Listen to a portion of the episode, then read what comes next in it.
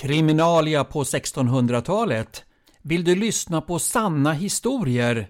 Olika rättsfall som handlar om mord, dråp och dödsdomar runt omkring på Falbygden. Jag misstänkte väl det och därför så kommer jag läsa upp åtskilliga sådana ärenden, både långa och korta och sådana som slutar med avrättning eller att de blev frikända. Sånt vet man aldrig i förväg.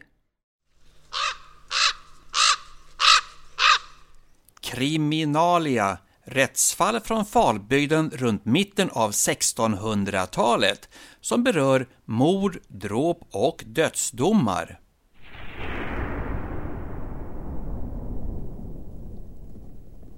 Sommaren 1635 ställdes ryttaren Lars Andersson liksom hans hustru Ingeborg Pedersdotter inför Vartofta häradsrätt, fast i två helt olika mål. Så vi börjar med hennes make, ryttaren Lars Andersson. Fram inför rätten kom syskonen Lars Pedersson i Gerum, Lars Brun i Sjörstorp och Karin Tura i Dverstorp och de klagade på ryttaren, det vill säga kavalleristen Lars Andersson i Gerum eftersom han hade slagit deras syster Kerstin Pedersdotter år 1630 innan han reste till kriget i Tyskland. Så att hon inte levde mer än nio veckor därefter vilket ryttaren Lars inte kunde förneka att han slagit henne över munnen med ett slag samt två slag mellan axlarna med ett yxskaft. I samma bråk ryckte de och slet i varandra. Nu vittnade Måns Olofsson i Sjörstorp, som var nämndeman, att Olof på Gärdet i Hångsdala, vilken synade och ransakade henne efteråt, och fann då att hon var både blå och blodig av ryttaren Lars slag.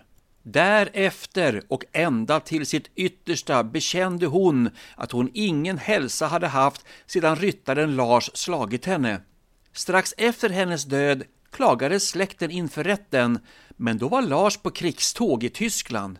Nu tillfrågades Lars hur han ville hantera denna beskyllning och ifall han ansåg sig kunna befria sig med en ed att denna hustru inte dog av hans slag.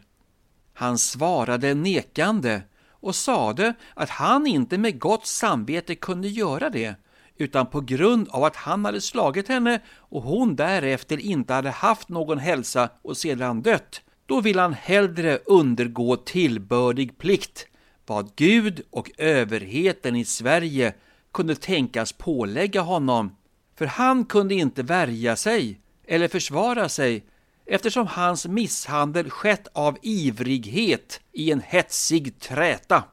Av det skälet kunde inte häradsrätten befria honom från orsaken till hennes död och dömde efter Guds lag, Genesis, 9 kapitlet, från livet. Dock ber målsägarna för honom och om hans liv förskonas vill de ta emot skäliga böter.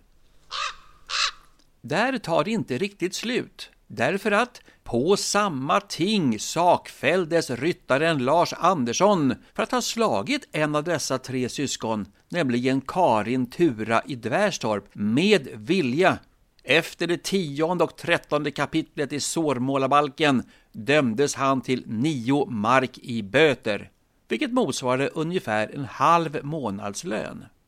Därmed var inte de olyckliga omständigheterna över för Lars Andersson.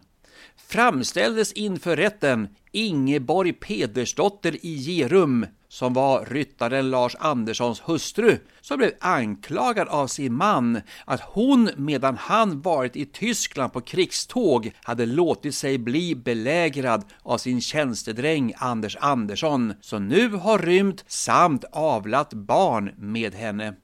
Detta bekänner hon och att hon denna synd har bedrivit. Eftersom hennes man förnekar att han är far till barnet dömdes hustrun till döden efter Guds lag, tredje Mosebokens tjugonde kapitel. Båda dessa ärenden fördes till Göta hovrätt och på hösten lät de meddela att Ingeborg slapp undan med livet men skulle böta 80 daler, det vill säga ungefär 20 månadslöner, samt avbedja församlingen och stå uppenbar skrift, alltså att bli upptagen i församlingen igen. Därtill ska barnafaden Anders Andersson efterlysas så han kan infångas, tingföras och dömas. Göta hovrätt tog också ställning till ryttaren Lars Andersson. Men tyvärr är de sidorna borta ur handlingarna så vi vet inte hur ärendet slutar i hans fall.